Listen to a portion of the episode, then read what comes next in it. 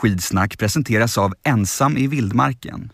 En ny serie med start 23 februari på Discovery+. Men du är inte vinfull nu? Nej, det Nej. är jag inte. Det är bra. Är Bra. du? Nej, I wish.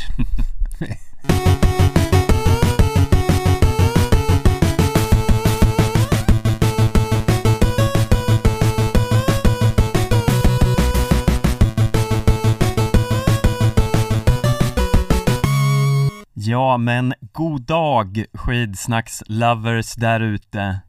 Ni kanske blir extremt förvånade av att höra oss så här snabbt inpå, men det är alltså redan ett nytt avsnitt av Skidsnack som är ute mitt i VM-yran och eh, jag heter som vanligt Sköld och bredvid mig har jag som vanligt Stenqvist.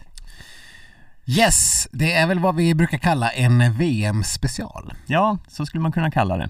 Och eh, det är väl på sin plats kan man tycka efter eh, två ganska fina dagar överlag.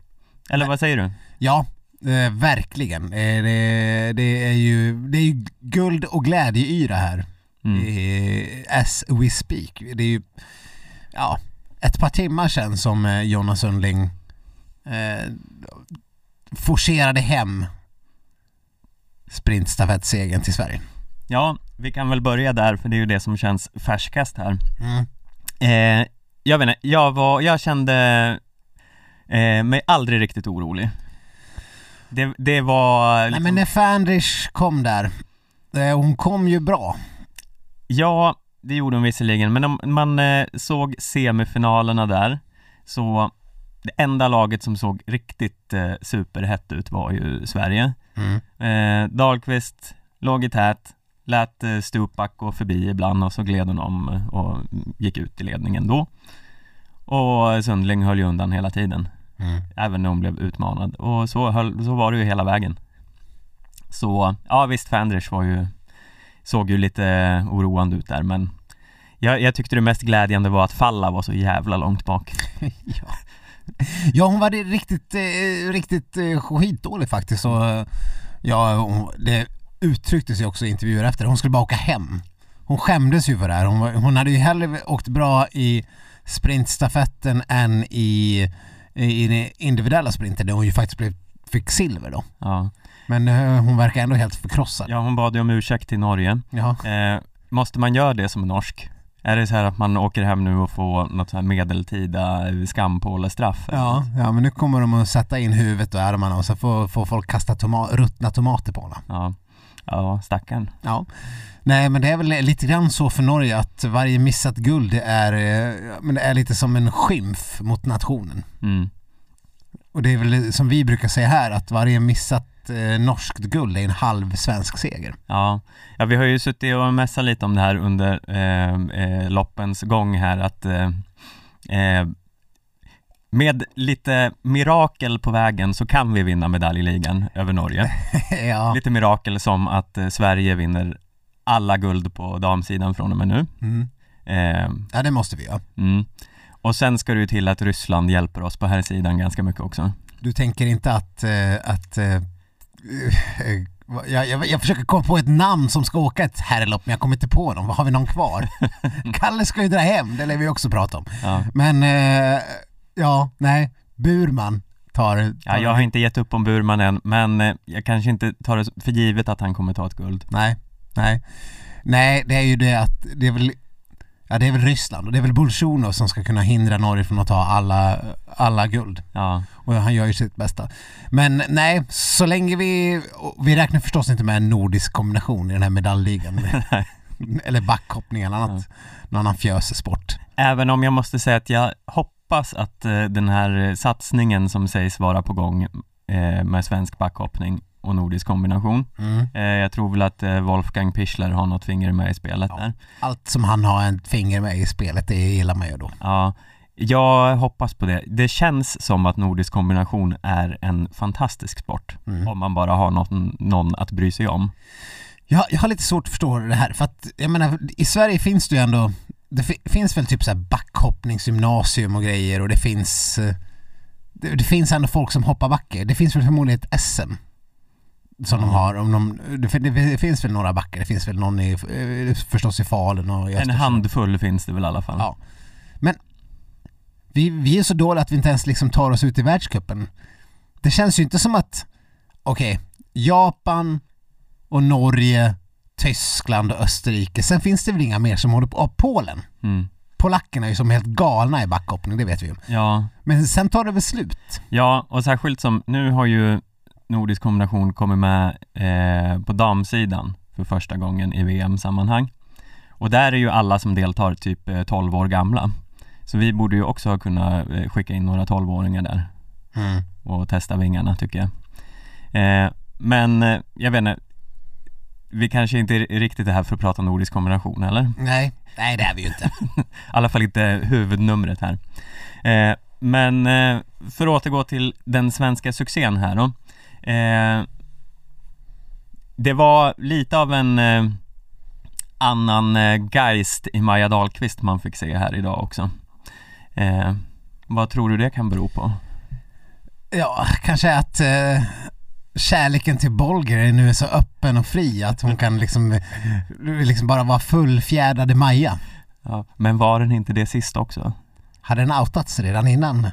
Den var väl outad redan innan sprinten? Ja, det va? kanske var. Så jag vet inte riktigt om det går att förklara. Nej. Men Maja Dahlqvist har ju faktiskt eh, bekräftat eh, den här eh, romansen nu. Så det eh, är ju trevligt. Ja, det har hon. Det var ju rykande färsk intervju med Aftonbladets Anna Rydén som hon, hon eh, ja, berättade att de hade träffats på världscupen och ja, de, är- de, är- det, det är bra. Mm. Hon var, hon var lite fåordig men det, det var väl, hon hade ju guld att tänka på. Ja, Eh, men ja, alltså hon öste ju på på ett helt annat sätt. Eh, och sådär. Men man kände lite grann att eh, det var ju en tröst men eh, jag kunde fortfarande liksom ana en viss fortfarande besvikelse av eh, individuella sprinten. ja, Det kändes så tydligt att den var nummer ett och att det här, det var väl fine att bli världsmästare igen men det var inte riktigt det som var det viktiga här. Hon hade ändå tränat mest med sikte på eh, den här. ja, men det kan man ju fatta för det var ju exakt samma sak som i Seefeld. Alltså, eh, hon, eh, hon gör ju exakt samma VM. Flunkar ur i sprinten och vinner i sprintstafetten. Mm. Det är ju been there, done that lite grann. Även om hon sa i intervjun efter att ja, ja, det är skrämmande likt här, ha, ha, ha. Men det, ja, nej men du har rätt. Det, man eh, såg inte den där eh, extrema glädjen. Eh, Jonna Sundling såg ju betydligt eh, gladare ut. Ja, för henne är det ju bara en jättebonus. Ja, Det är inte, henne är det ju grädden på moset. För Maja Dahlqvist är det ju, eh, ja, vad- kallar man en klen tröst? Det kanske inte är en klen tröst, det kanske är en bra tröst men, men ändå, det är ju mest en tröst. ja, Så att, eh, ja. Ja, men Jonnas VM då? Två guld. ja, Det var, ju ingen, det var ingen som hade sett det framför sig. nej, Knappt att hon skulle ta, ja men en individuell medalj, absolut. ja, kanske. Men sen skulle hon ju inte åka någon sprintstafett. Nej, nej det här är ju eh, långt bortom vad, vad alla har kunnat tro eh, om eh, Jonna Sundlings VM. Och vi ska väl inte eh, dela ut några äppelbetyg än, Nej. riktigt, för det, men eh, det, mycket talar ju Det för att luktar fem. det luktar fem, men man vet ju aldrig. Vi ska ju återkomma till det här eh, stafettlaget om Ja. det finns, det, det kan ju finnas eh, möjlighet till fler lopp, eventuellt. Mm. Eh, och då kan man ju helt plötsligt förstöra sin, sin äppel, sitt äppelbetyg. Ja, ja visst. Så vi kan ju inte sätta något än. Nej, nej. Vadå, om du menar om hon skulle få åka liksom eh, 10 kilometer och bli 43 då, då är det rakt ner på två äpplen, två knappar. Eh, ja, jag tänker mer om hon blir uttagen i en stafett och sabbar för Ja, nationen. gör en brinkestafett. Ja. ja, gud ja, då är. Om man flunkar ur i ett 10 km lopp kan man väl känna att, ja ja, eh, Ja. hon har två guld ändå. Men en stafett är ju lite viktigare. Men eh, det om damernas sprintstafett. Eh, herrarnas sprintstafett, vad tar du med dig därifrån? Ja, jag undrar ju främst om det var Kalle Halvarsson som var med och la upp strategin för Carl-Johan Westberg och Oskar Svensson här. För i semifinalen så la de, det upp, eh, la de upp det taktiskt eh, så att de la sig typ sist Mm. eh, i fyra varv och sen tänkte att nu ska vi börja röra på oss. Men det är ju lite sent för då börjar ju alla andra också röra på sig så då körde Westberg ihop lite med eh, vem det nu var. Eh, minns inte. Men eh, ja, så fick ju Oskar Svensson då gasa på järnet sista sträckan för att vinna kapp och det klarade han ju, men det var ju lite onödigt att bränna Ja, det kändes som att han, hans krut var ju... Ja, det var inte mycket krut kvar när det väl var final. Nej. Nej, jag vet inte. Det, det kändes inte riktigt som att de försökte. Nej. Jag, jag vet inte. Det var ju många nationer som var lite så här som man kanske inte riktigt hade räknat med men som bara spände bågen så att säga. Eh, typ Tjeckien och sådana där länder. Men eh, Sverige låg bara, nej de låg och såsade. Ja. Eh, så, nej, jag vet inte vad man ska säga. Det man eh, tyvärr minns från här loppet är ju Kläbos eh, superrusning på slutet. Eh, det var ju lite tröttsamt då. Han såg ju lite för... Alltså det var så här löjligt bra. Mm. Jag hade ändå trott lite att han kanske Det kanske skulle finnas någon liten möjlighet att någon annan kunde ta honom eftersom han tog ut sig så fruktansvärt igår eh, Men eh, så var det ju inte. Även. Bolsjunov såg ju överjävlig ut även om han åkte första sträckan. Ja, det var, var det en rysk taktisk miss? Ja, det, det kan kanske ha varit så. Man eh, vet ju att eh, ja, Kläbo är väl i och för sig snäppet vassare än Bolsjunov också i en sprintuppgörelse men eh, ja, äh, vem vet, han hade kanske dragit ifrån tidigare. För att jag menar, när, när Burshonen gick upp för backen så såg han ju ungefär lika imponerande ut som när Kläbo gick upp för backen. Ja, Och då mötte ju ändå Burshonen och Vallnäs och, och sådär så det var inga liksom jätte jätteusla namn heller. nej. Nej, de måste väl ha tänkt att eh, Rättevik kanske hade lite mer kräm kvar och satte Bolsjunov på första därför. Men i sådana fall var det ju en taktisk flopp.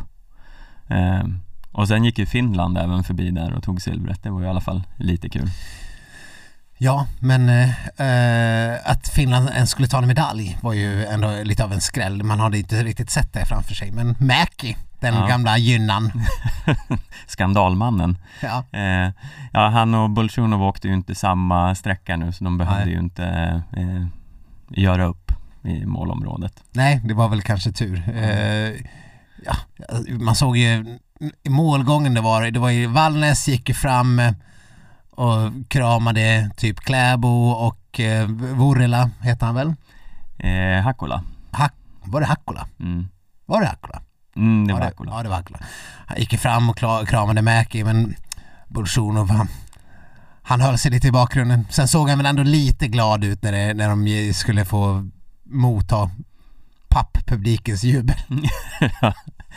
Så att det, men ett brons, Ett brons i sprintstafett väger nog inte jättetungt för Bolsjunov. nej inte speciellt inte när, med tanke på den monstersträcka han gör och den ledningen han lämnar. Rettivish som är en poddfavorit. Lite Ja. grann. Ja, mest med tanke på hans vackra förnamn Gleb. Gläpp. Ja nej men det, det var inte imponerad av honom. Att, att, eh, fast det kanske var också att Kläbo var så överjävligt bra. Ja, jag trodde ju också att fem mil, fe, tre milen skulle sitta lite mer i benen.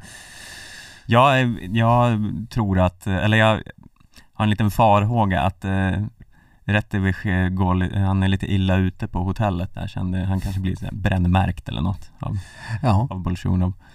Undrar om det är så att eh, Rättevich, är han ändå i det här Bolsjunov-gänget? Det, för Tysk, Ryssland är ju uppdelat i olika läger. Ja just det, Ryssland, de har delat upp dem inte efter så A och B-lag utan helt eh, godtyckligt lite eh, Det finns bara helt enkelt två lag. Ja. Några bra är i det ena och några, några bra i det andra och Precis. de lever helt separata liv ungefär. För jag menar annars Bo- Ustjugov och Bolsjunov hade väl kunnat vara ett alternativ här, kunde Mm. man ju tänkt sig annars. Ja, Men kanske Ustjugovs form är lite oklar. mm. Men skit i det. Eh, uttagningen av Carl-Johan Westberg, är det något vi behöver diskutera? Jag vet, man, det är ju svårt att säga om om eh, Marcus eh, de Grate hade gjort det något bättre eller om Carl-Johan eller om eh, Häggström hade gjort det bättre. Mm. Eller jag vet, det- sen finns det ju tyvärr inga fler. Nej, Anton det, Persson. är- det är lite, ja, Men det, det känns lite märkligt att kliva in med en kille som inte ens platsar i sprintlaget. ja, Eh, och Marcus Grate gjorde det ju ganska bra i den individuella sprinten.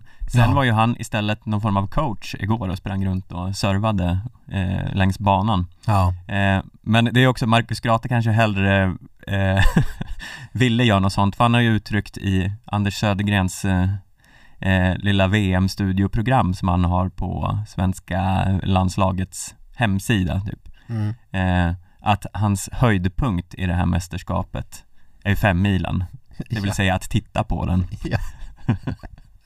ja, men, men han insåg väl att han inte skulle få åka något mer. Men jag menar Men Häggström det här då? sa han väl redan innan ja, ja, ja. men Häggström som inte ens, eh, eller Häggström som har varit med och kört, eh, har varit på pallen i sprintstafett i Mm. världscupen. Mm. Varför kör inte han? Varför kör Carl-Johan Westberg som inte, Ja, jag vet inte riktigt. jag, Ehm, jag fattar inte riktigt. Nej, Häggström har väl visserligen inte visat någon vidare form den här säsongen men det har väl inte Westberg heller utöver något eh, fint så här, eh, Volkswagen Cup-lopp på slutet. Westberg gjorde väl någon eh, okej eh, distanstävling i Falun Mm. där han tog världscuppoäng. Eh, men ja, jag, jag, jag, jag, nej jag vet Jag tror inte att det- hade spelat så jättestor roll idag för det var ju inte som att Oskar Svensson glänste heller. Nej, han, gjorde, han kör så konstigt. Man fattar inte riktigt om han är trött. Och sen gör han som en sån sista sträcka som han gjorde i semin ändå. Men hans andra sträcka i finalen var ju liksom bedrövlig. Han växlade över typ sist. Mm. Och, och då ska Carl-Johan Westberg ut på sin sista sträcka och då har han liksom 5-7 sekunder upp till Bolsjunov som dundrar iväg. Vad, hur, vad ska vi göra då? Liksom, det finns ju ingen... Nej, Då är det ju kört. Ja. Nej, det, Fattar de inte det? det, de måste ju inse att det här upplägget med att ligga sist inte funkar eftersom det här, här var det ju också väldigt mycket strul mellan eh, massa åkare och det måste de ju ha fattat efter semifinalerna att det, det går inte. Det är väl bättre att ligga fyra, femma än att Mm. ligga åtta, nia.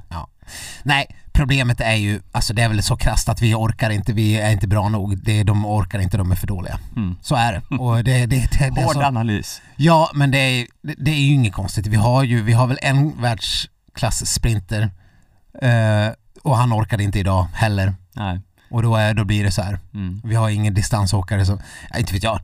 Jag tror att Porrom hade gjort det här bättre Mm. eh, än eh, både Svensson och eh, Westberg idag, Ja, till exempel. Så nästa, vin, nästa VM kanske.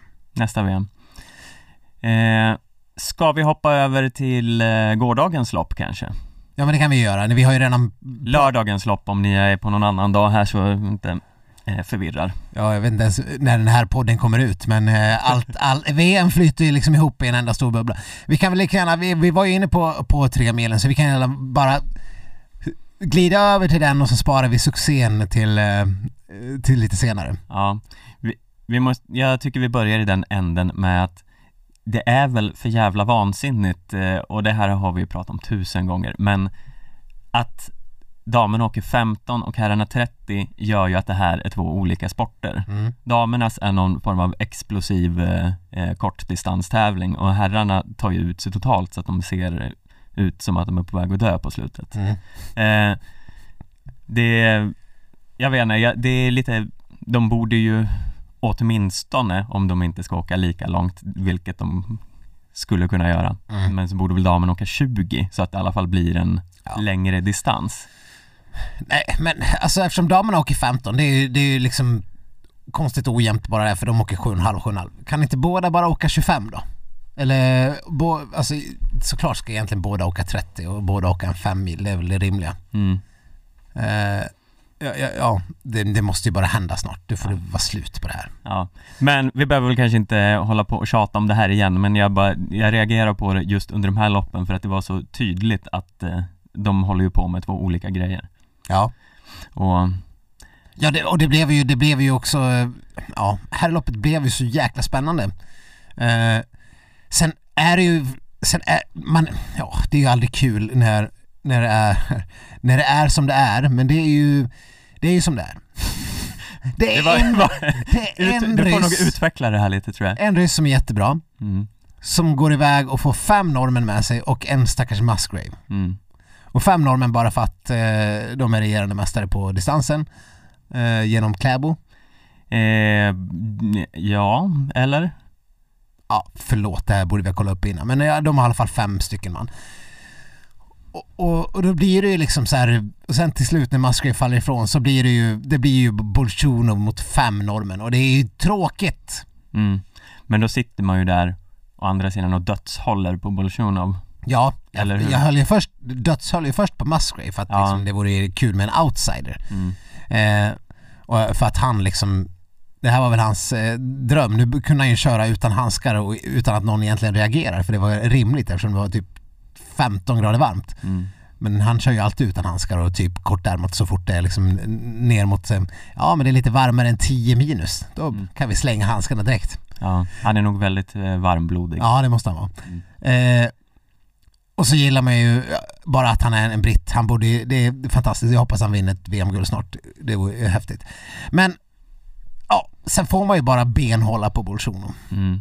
Och sen är det ju så sjukt. Han drar ju 25 kilometer i det här loppet ungefär. Mm.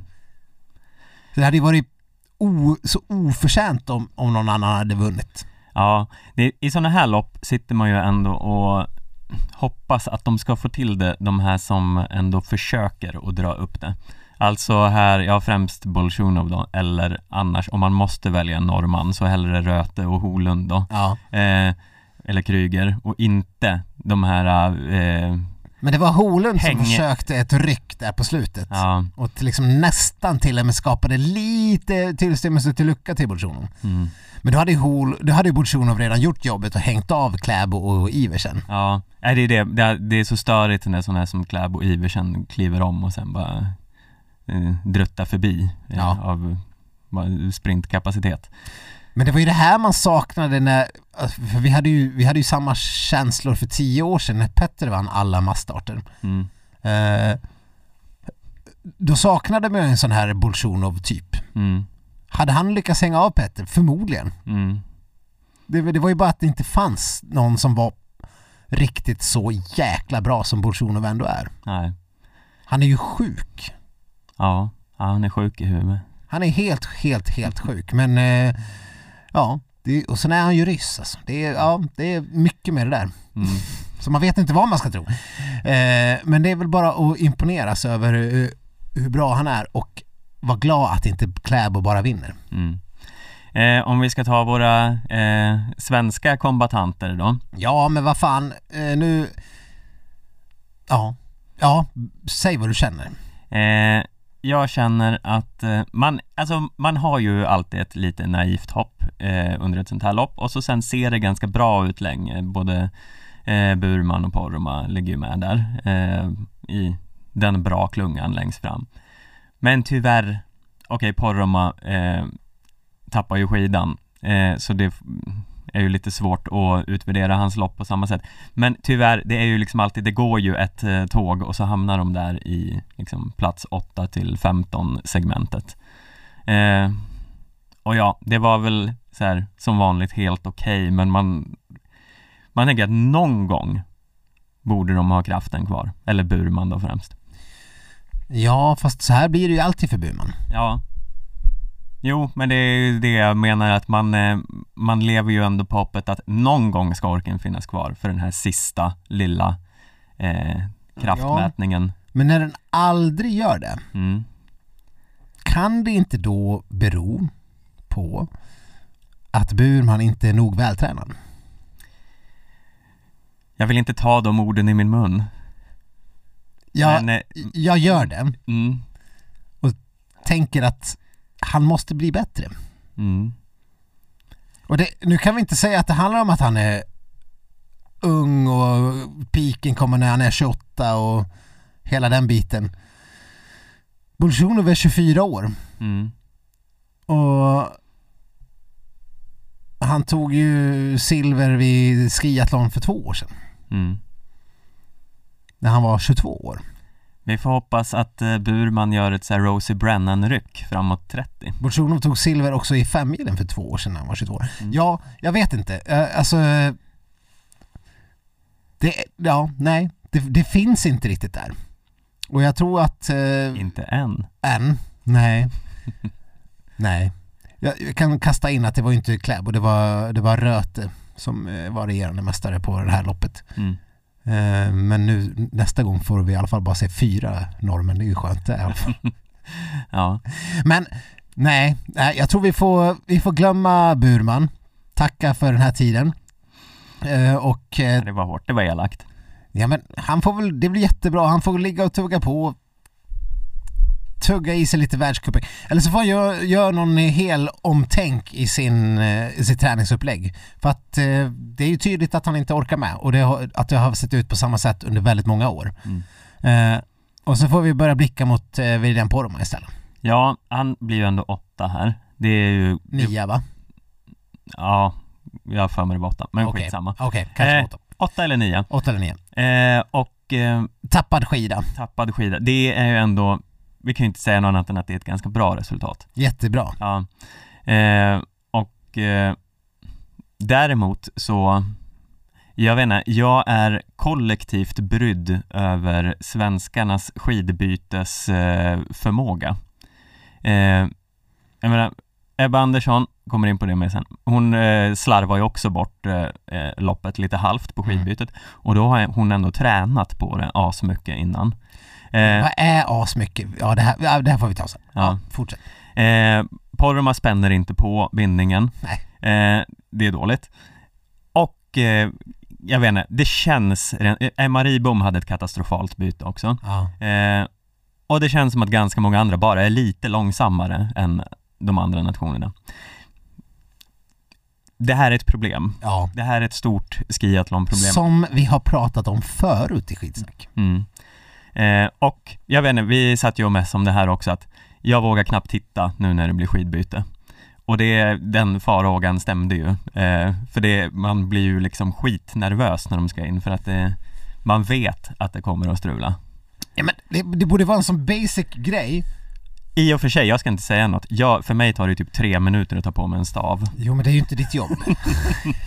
Så att, nej. Det är man ska skitsvårt att ta på sig en stav, det är helt stå jävla där. Först omöjligt. måste man kolla, står det left eller står det right på den där jäveln? Ja, Eh, och sen, sen på med, in med handen, och så märker man att men jag får inte ut den, jag kommer inte igenom det här lilla hålet, jag drar lite där, Jaha, nej men jag kommit från helt fel håll Ja. trots att det är det. Men är det rätt? Ja, det är left. ja. Vad är lillfinger, vad är tumme? Ja. Vad är höger och vänster, Ja just det, var ska tummen ut ens? Ja. Ja. Ni som tillverkar stavar, dra åt helvete. Det är Ja. helt jävla omöjligt. Men Inför nästa OS så begär jag att svenska landslaget lägger alltså en veckas träningsläger där man har en timmes ren liksom bytesträning varje dag. ja, Varje dag, minst en timme varje dag. För att det är inte bara det är inte bara för skiathlonen man byter, man, på fem och tre milen byter man också och det kan vi ju se från förra årets Holmenkollen att det kan eh, vara avgörande. mm, Där var det kanske inte själva bytet utan just att man bytte som var avgörande, men ändå. mm, Det är ju en, eh, det är ju en eh, faktor. Och för Ebba Andersson blev det ju en möjligtvis guldförlorande faktor. ja. Alltså de ska öva på alla olika kombinationer och sätt att byta. Ja. Alla olika eh, stavtyper som finns att byta till. De ska ha liksom, det ska inte finnas något de inte har testat inför och hittat det som är max, liksom optimalt Ja. för varje enskild åkare. Ja men det här får vi, vi får utkräva det typen av ansvar. Men ska vi hoppa in på damerna nu? Vi, vi behöver inte prata mer om herrloppet. Eller är det något mer du vill säga? Eh, nej, eh, Kalle Halvarsson är ju lite en historia för sig. Han, han hoppade ju av eh, Ja. och ska åka hem. Ja men Kalle Halvarsson, ja du är ja du är bedrövlig. Eh, jag tycker att vi eh, fortsättning följer Kalle Halvarsson. Vår kollega Kristoffer Bergström som då inte är med här idag, han skrev en krönika om att han tror att Kalle kommer igen och tar OS-guld nästa år. eh, så det, det kan vi ju ha som en liten cliffhanger här. Ja. Mm. Jag, kan, jag sticker ut hakan och säger att jag tror inte det. jag, jag, skulle, jag, hopp, jag, gud jag skulle, jag vill inget heller men jag, jag tror faktiskt inte det. Jag, Du tror faktiskt inte det? nej jag tror faktiskt inte det. Nej. Jag, eh, men jag, det är liksom hela apparaten runt Kalle som Man börjar bli så trött och, jag, och när man ska liksom behöva ge Emil Iversen rätt. Mm, Men det vill han- man ju inte. Nej, det vill man verkligen inte. Finns det någon... Så Emil Iversen har ju den här förmågan att vara extremt osympatisk men ändå sympatisk på samma gång. Mm, Jag förstår inte hur det är möjligt. nej. Samtidigt kan han också ha rätt medan han är osympatisk så då Jo, jo men det är liksom, ja men, men det, är när, när, det är någon artikel där han säger att jag skulle inte, jag skulle inte bryta om jag så liksom, eh, det skulle krävas att jag bröt benet eller något om jag skulle bryta ett lopp. Jag bryter inga lopp. Mm, Eh, och, och där, han har ju rätt. Det ska krävas att du bryter benet för att du ska bryta ett lopp.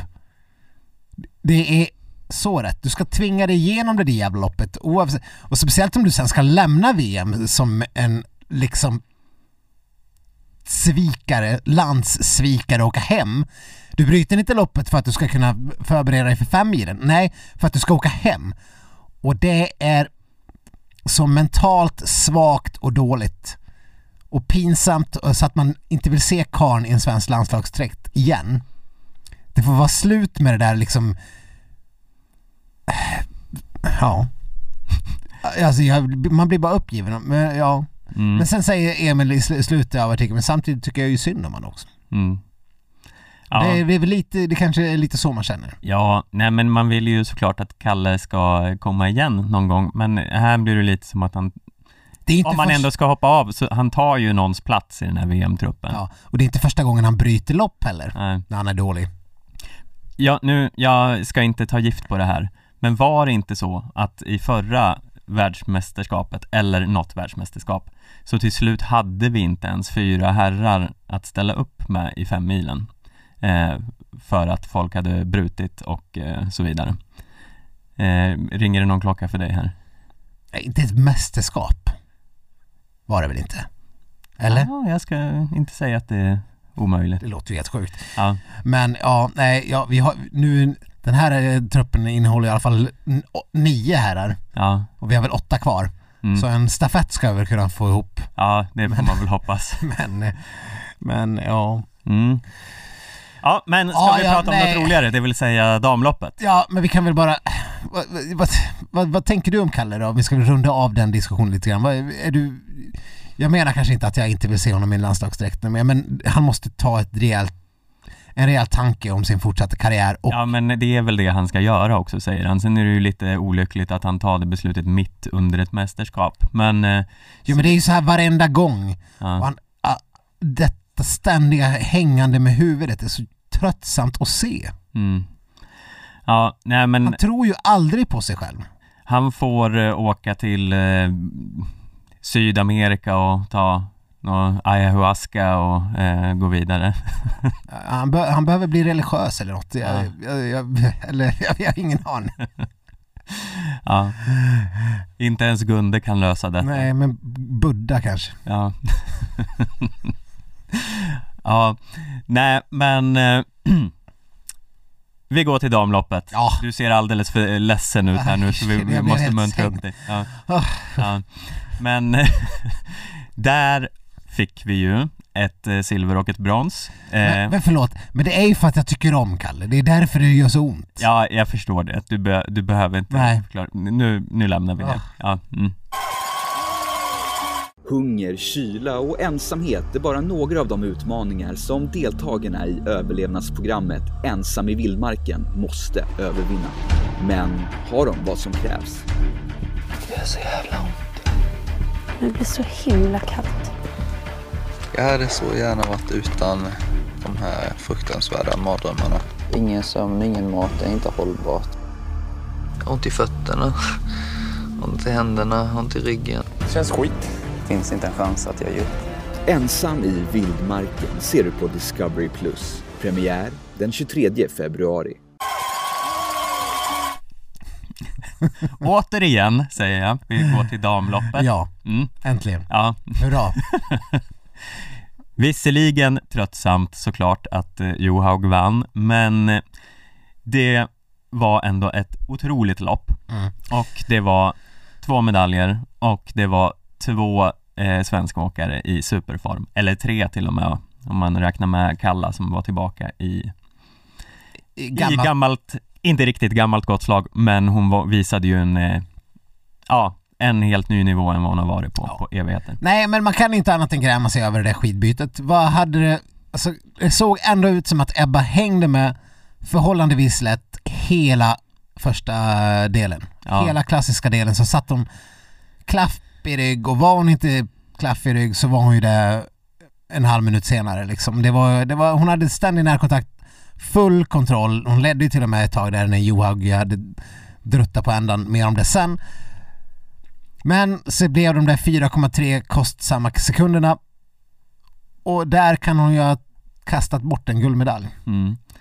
Ja, det går ju aldrig att veta, men det kändes ju som hon hade kapacitet att hänga på där. Och det är ju klart att hon blir superstressad när hon hamnar efter och Johaug känner ju såklart det där och drar på ännu mer än vad hon egentligen orkar. Ja, jag, jag, jag, jag satt ju, man kunde inte låta bli att tänka, kunde du inte ha bara gjort, dragit av en rackarrökarspurt och tagit rygg? Eller går inte det? Det är svårt att förstå hur det är på den nivån. Ja. Eh, nej, men det, ja, det är ju eh, snopet. Det kändes som att det, det var lite Ebbas dag på något sätt. Mm. Men Så kom det där bytet. Nej men, redan eh, inledningsvis så, eh, jag menar Frida såg ju ut att liksom tappa lite positioner så här i början, sen, sen kom hon tillbaks och Men Frida måste ha typ krokat ihop med någon som man inte såg där i början och hon hamnade lite efter för sen var hon ju superbra och med till, fram till fallet. ja. Eh, och det tog hon ju igen super, kanske inte supersnabbt men supersmart. En sak som inte har diskuterats tillräckligt mycket. Nu fick du kanske ingen jätte slutgiltig påverkan på loppet. Men fallet, Mm. Det var ju för fan, när jag såg det först så man säger det, ja, det var ju Fridas fel. Sen när man ser reprisen så ser man att det inte alls är Fridas fel, det var ju Johaugs fel. Det var ju hon som inte kunde hålla inne kurvan, hon liksom bara tröcks ju ut på grund av någon form av centrifugalkraft. Mm. Så hon, hon det var ju hon som dundrade in i Frida Karlsson. Ja. Eh, jo, Och det, jag menar inte att det var någons fel, men jag menar att när Johaug sen säger i intervjuer att Frida får lugna ner sig lite, då blir man ju förbannad. Dra åt helvete Johaug. Det var ju du, det var ju ditt fel. sa hon det? Det missade jag Ja, det sa hon. Ja, Du får väl trampa runt kurvan då? ja, För hon liksom driftade ju ut. ja. För det var en väldigt tight kurva också. Mm. Men det var fan inte Fridas fel. Nej, man får väl kanske ändå se det som någon slags gemensamt ansvar där, men eh, Precis. Sen är kanske Frida Karlsson inblandad i fler incidenter än vad som eh, statistiskt rimligt. Ja, eh, ja, det kan man ju inte sticka under stol med. Men det var ju, man, man blev ju det var, man fick upp pulsen så många gånger under det här loppet Ja. på sådana där eh, incidenter som man bara kände varför? Varför ska det här hända? Men sen var det ju ändå fram tills eh, ja, efter skidbytet där när Alltså Johaug har gjort ett ryck tidigare så himla många gånger Mm. så det här loppet levde ju så himla länge. Ja, och sen efter skidbytet så var det bara, jag hoppas att Frida kommer upp i, i Ebbas rygg så att de kan liksom växeldra och göra en, eh, göra en repris av Holmenkollen. Det blev ju inte riktigt så. Eh, Johaug var ju lite för bra och Frida verkade ju ganska trött för hon låg ju kvar i Ebbas rygg Mm, större delen av andra rundan ja. ändå. Ja, det är ju inte kanske jättekonstigt med den upphämtningen hon fick göra. Nej. Men eh, det var ändå otroligt skönt att se Frida så här bra. Ja. Det har hon ju inte varit sedan innan eh, kinsfadäsen. Nej, alltså man undrar ju lite grann eh, Frida och Ebba hur bra de är. Man såg ju att eh, Diggins är två minuter efter, Permakoski är två minuter efter och, och alla de där. Det var Ja. ju ingen som var i princip i närheten förutom Charlotte Kalla och eh, Claudel.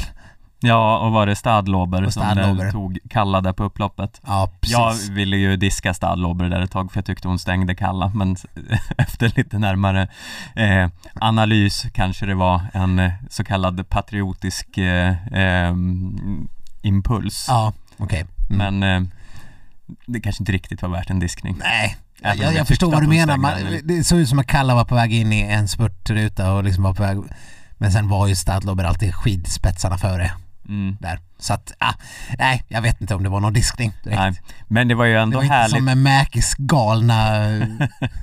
Nej, men det hade varit kul om Charlotte Kalla dundrade in i Stadlober Ja. efter målgång. Så här riktig bröstvärmare. Eh, nej, men eh, det var ju ändå så här, det är ju, det är ju härligt när man tänker att Charlotte Kalla nu, att döma av det här loppet, är bättre än sådana som, eh, ja men Diggins, Pärmekoski och eh, Weng och Fossesholm och alla de här. Ja. eh, Fossesholm, vilken besvikelse. Ja. Så det båda ju gott för eh, framtiden av detta VM. Ja, Ebba fick sin eh, första mästerskapsmedalj, hur stort är det? Eh, Eller individuella? ja, nej men det är väl såklart eh, en lättnad för henne men jag tror inte eh, att eh, hon nöjer sig med ett brons. Nej, det känns verkligen så. Eh, man, någonstans vill man ju bara att eh, Johaug ska sluta så att vi kan börja liksom samla in guld. Ja, men det här, nu, jag vet inte. Jag känner lite så här, jag önskar såklart inte Johaug skadad på något sätt. Nej, Men men det är ta mig fan helt obegripligt att hon är den enda åkaren i hela världen som aldrig har drabbats av någon liten sträckning eller någon liten förkylning eller någon liten höghöjdssmäll eller någonting sånt här som alla andra åker på hela tiden. Mm. Hon har aldrig haft en krämpa. Förutom när hon var dopingavstängd då. ja. Det är ju inte riktigt en krämpa kanske. Nej, hon har bra läppbalsam. Nej men jag menar det är så här. Någon gång kan väl hon också vara förkyld och få kämpa sig tillbaka lite som alla andra. Eh, det, det är inte rimligt. Nej men jag, jag tror det är, det, det är väl ganska genialt. Jag tror att de eh, de bara mörkar det. Det är klart hon är förkyld och sådär men det, det kommer inte ut. För att att få veta att ja men Johaug var ju faktiskt sjuk för en vecka sedan. Skulle ge, sätta de andra i ett mentalt övertag. Johaug har ju sånt extremt mentalt övertag Mm. på alla andra eftersom hon har varit så mycket bättre än alla andra under så många års tid. Så att minsta svaghetstecken gör de ju rätt i att inte släppa på. Mm. Om hon har en sträckning, om hon har en skada, om hon har en förkylning, det, det är ju det vore ju ett ytterst jättemisstag av norska landslaget om det skulle komma ut. Mm. För att då skulle de andra direkt, och det har vi ju sett, i Falun eh, så kunde man slå Johaug. Mm. Eh, och hon kanske hade varit förkyld då. Det var ingenting man sa. Eh, det var ju bara något de andra fick upptäcka själva. Här hade vi ju liksom typ, hade Frida hållit sig på benen och inte haft sina enorma stavproblem och hade, hade Frida och Ebba varit med Mm. hela tiden. Alltså jag tror inte de hade släppt hennes rygg. Nej, Alltså på hela den här skiathlonen. jag tror de är så jävla sugna på det nu Ja. också. Så det, De hade Mm. inte släppt hennes rygg. Vi hade kunnat bli etta och tvåa lika gärna istället för tvåa och trea. gud vad jag hoppas att eh, de startar efter henne i eh, 10 kilometers loppet Ja. Så att eh, inte Johaug har tiden att gå på. För jag tycker alltid det är så. Ja, det, det känns det. Men de, visst är det väl så att eh, de brukar få ha rätt att välja också, de som är högre rankade. Jag vet Ja. inte exakt hur de lottar i ett VM, så vi får låta det vara osagt. Mm. Men ja, det är, det, det är inte som att det känns helt givet att Johaug sopar hem resten av de individuella gulden. Nej, nej inte helt givet. Hon är ju såklart superfavorit men med tanke på hur det sett ut nu i världskuppen innan så det går ju. Nu verkar ju Diggins ha form otoppat till det här VMet så det kanske inte är hon men eh, Nej, märkligt. Hon körde inte sprintstafetten heller, Diggins, som eh, absolut hade varit en jättemedaljchans för henne. Nu var ju USA kassa istället. ja, Eh, så jag vet inte om det är hennes dåliga form. Varför skulle hon ha fått dålig form helt plötsligt? Hon var ju liksom bra i Falun för tre veckor sedan. ja. Så det är jättekonstigt. Men... Eh, En eller så bara är att snörebom. Ja. Ja, USA verkar, verkar haft tungt hittills i Oberstdorf. Men hon kanske också bara sa, satsar på, på det hon kanske ser som en av sina största chanser. Tian på tisdag. Mm. Ska vi prata om den? Det här är, Ja. Vi kan prata om resten av veckan för att det är ju, det är ju en, vi har ju en otrolig skidvecka framför oss. Ja. Ja, jag vet inte. Det är så mycket. Eller Eh, varannan dag i alla fall är ju Ja. otrolig. För svensk del. Mm. Eh, det är ju intressant vilka som ska åka allting. Mm. Eh, framförallt stafetten då kanske, men eh, även de andra loppen. Men vi får väl säga att eh, det måste ju vara en rejäl fingervisning eh, hur de tänker för stafetten. Mm. Vilka som sätts på banan på, på tisdag när det är 10 km fritt Ja, för damer. men jag menar det kommer väl rimligtvis vara Ebba, Frida, Kalla. Eh, Såklart. mm. Och den fjärde kan ju vara lite vem som helst känns det som. Men det är ju det. Eh, för Ribom som fick åka skiathlonen, hon gjorde ju inget jättebra lopp. Nej. Linn Svan, eh, hon gjorde ju ingen bra sprint. Maja Dahlqvist och Jonna Sundling har ju gjort bra ifrån sig nu. Så det gör att allt bara jämnar ut sig på något sätt som gör det här helt omöjligt att gissa. Ja, det är helt sjukt svårt. Men ja, de måste ju främst tänka på stafetten måste ju vara liksom, eh, alla vet ju att eh, Charlotte nu har åkt till sig en stafettplats Mm. såklart. Om, om, om det var tveksamheter innan, vilket det väl i ärlighetens namn ändå var, Mm. eh, så är det ju absolut inte det längre. Hon kommer ju få köra en sträcka. Förmodligen kanske då första sträckan, Mm, kanske det. eller kanske tredje sträckan. Ja. Jag vet inte. Men det, allt har blivit så himla svårt nu efter att Linn Svan eh, klappade ihop. Eh, för det är ju, hon kändes ju helt given som avslutare. Sen kan man ju tänka också att eh,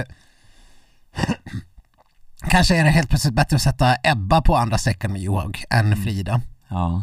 Och, och om Frida ska liksom köra sista, jag, jag vet inte, ja, det, ja, ja. Jag, jag blir helt nervös bara jag tänker på det här. ja. Jag, För nu hänger det på Linn Svans eventuella comebackande i det här VMet. Kommer hon åka en enda sträcka till?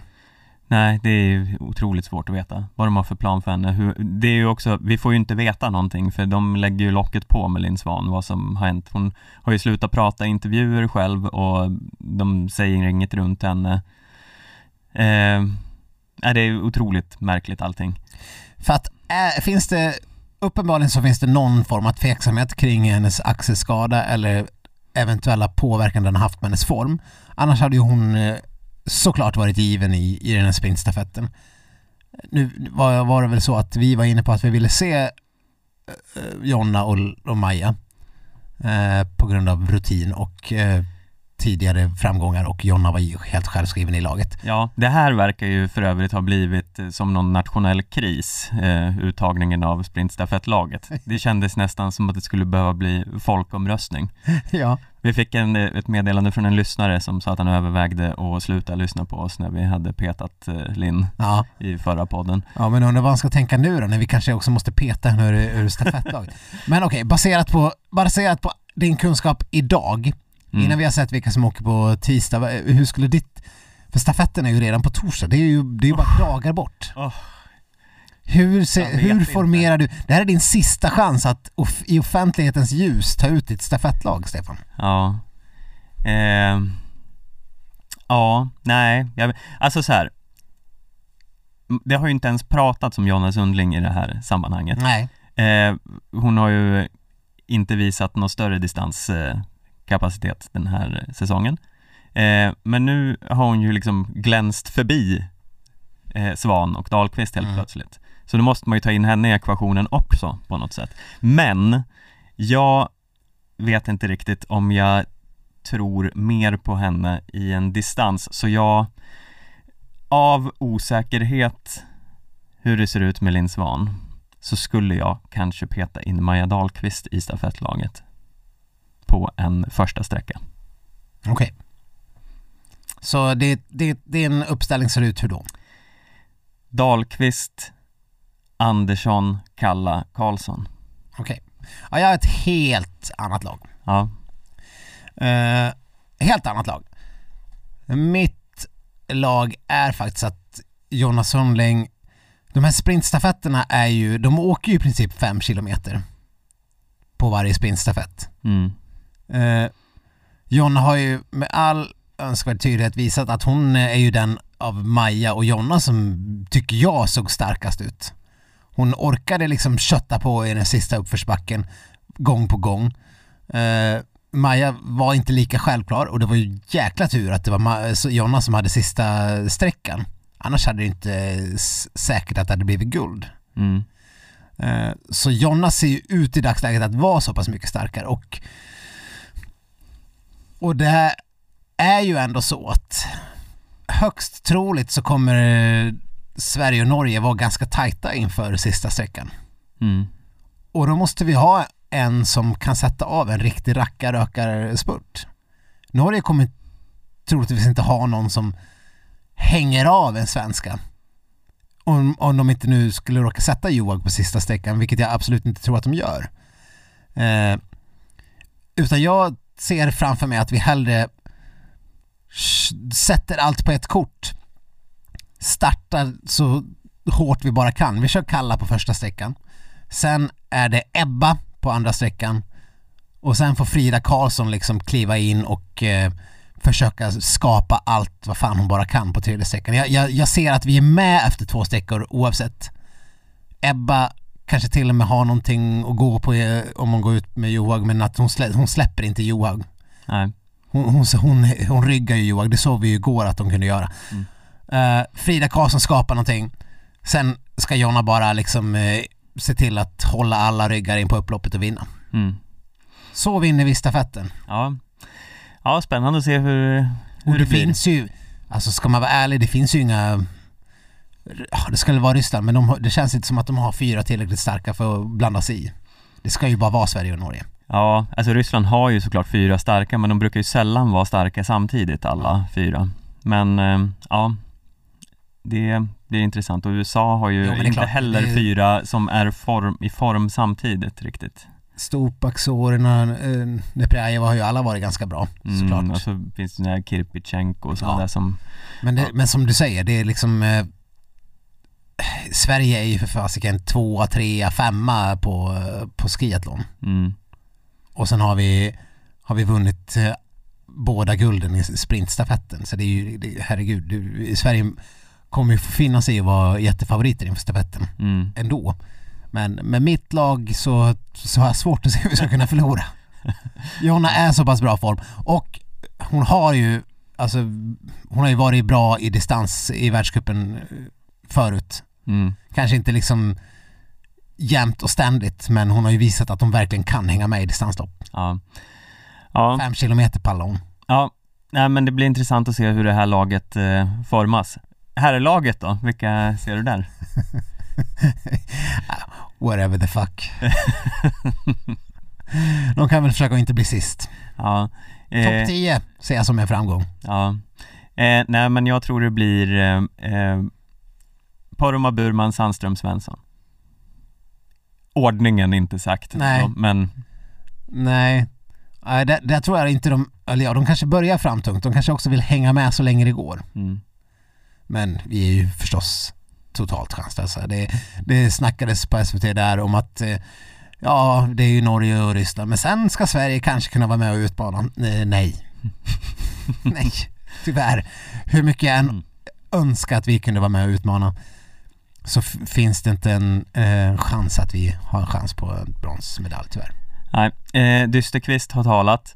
Eh, Men eh, Stefan kommer fira stafettguld på fredagen. Ja, Eller stafettbrons då. ja. Ja, ja, givetvis. Hoppet lever. Jag tror att Sandström får sitt stora genombrott här. Eh, Ja, jag, jag, har inget, jag har inget annat lag att komma med, med äh, än de namnen du nämnde där. nej, Det, det, det, ja. Fast å andra sidan, Kalle har ju inte åkt hem än. nej Han skulle åka hem först imorgon. Och är det något vi vet med Kalle Halvarsson är att det kan, kan säga saker och sen händer det något helt annat. mm. Han kanske fann B- Buddha redan eh, Redan efter Mixed Zone Ja, det är inte omöjligt. nej. Det kan, kan mycket väl bli så att äh, de är övertygade om att stanna kvar och köra stafetten i alla fall 10 kilometer orkar du med. Ja, Vem vet? ja. Eh, annars då? Är det något mer du ser fram emot under det här VMet som vi bör lyfta? Eh, nej, vi kanske till och med hinner podda innan här stafetten så vi, vi kanske kan till och med live kommentera eh, uttagningen. Ja, Så att det, Eh. det kommer ju bara hinna vara tre lopp. Nej, nu är det ju... Ah, alltså vad fan, kanske till och med Kalla kan ta ett skräll. Det här är ju ändå en, hennes eh, genom tiderna egentligen favoritdistans. 10 kilometer fritt, individuell eh, start. mm. Det är ju mumma för Kalla. ja. Ja, det vore filmiskt. Eh, ja, nej men eh, vi har ju inte ens någon eh, ny studiecirkel att komma med än så vi kanske eh, call it the night här då. Ja, jag tror det. Ja. Det är väl eh, gott och väl för en extra podd. Ni har ju, ni har ju ett jobb att sköta också. Ja. ja, Eller något. vad är, vad är viktigare än detta? Ja. Ja, nej men eh, vi hörs igen då som vanligt på fredag. Så får ni ha en fin VM-vecka fram till dess. Ja, om det inte händer något eh, sinnessjukt vi måste göra en ytterligare VM-special. Men det, det, ja, Ja. jag vet inte vad det skulle vara. Definitionen av sinnessjukt är vag. Ja. Men händer det så händer det. Händer det så händer det. Ni får ha det bra tills dess så hörs vi av. Mm. Ha det fint. Hej då! Hej då.